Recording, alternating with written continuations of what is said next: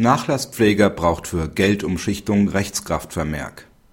Ermächtigt das Nachlassgericht einen Nachlasspfleger, ein Nachlasskonto zu kündigen und den Erlös auf ein anderes Nachlasskonto zu übertragen, muss das Nachlassgericht einen Rechtskraftvermerk für den Genehmigungsbeschluss erteilen. Der Nachlasspfleger wurde durch das Nachlassgericht ermächtigt, ein zum Nachlass gehörendes Sparkonto zu kündigen und den Guthabensbetrag auf ein anderes, ebenfalls zum Nachlass gehörendes Girokonto zu übertragen der Nachlasspfleger beantragte zu diesem Beschluss einen Rechtskraftvermerk zu erteilen.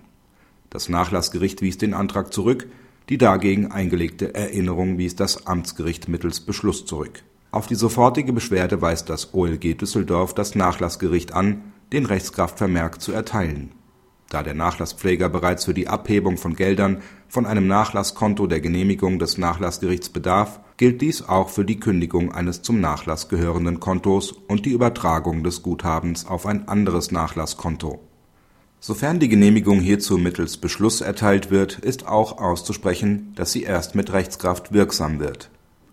Das OLG begründet dies damit, dass die auf diese Weise vollzogene Entscheidung im Sinne der Rechtssicherheit nicht mehr rückgängig gemacht werden kann der Begriff der Genehmigung ist insoweit nicht nach der Legaldefinition des § 184 BGB als nachträgliche Zustimmung zu verstehen, sondern untechnisch und erfasst daher auch den Ermächtigungsbeschluss.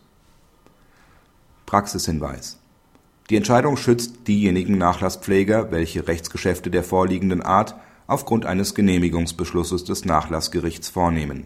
Durch den Rechtskraftvermerk tritt für den Nachlasspfleger Rechtssicherheit nach Vollzug der Kontoumschichtung in der vorbezeichneten Art ein.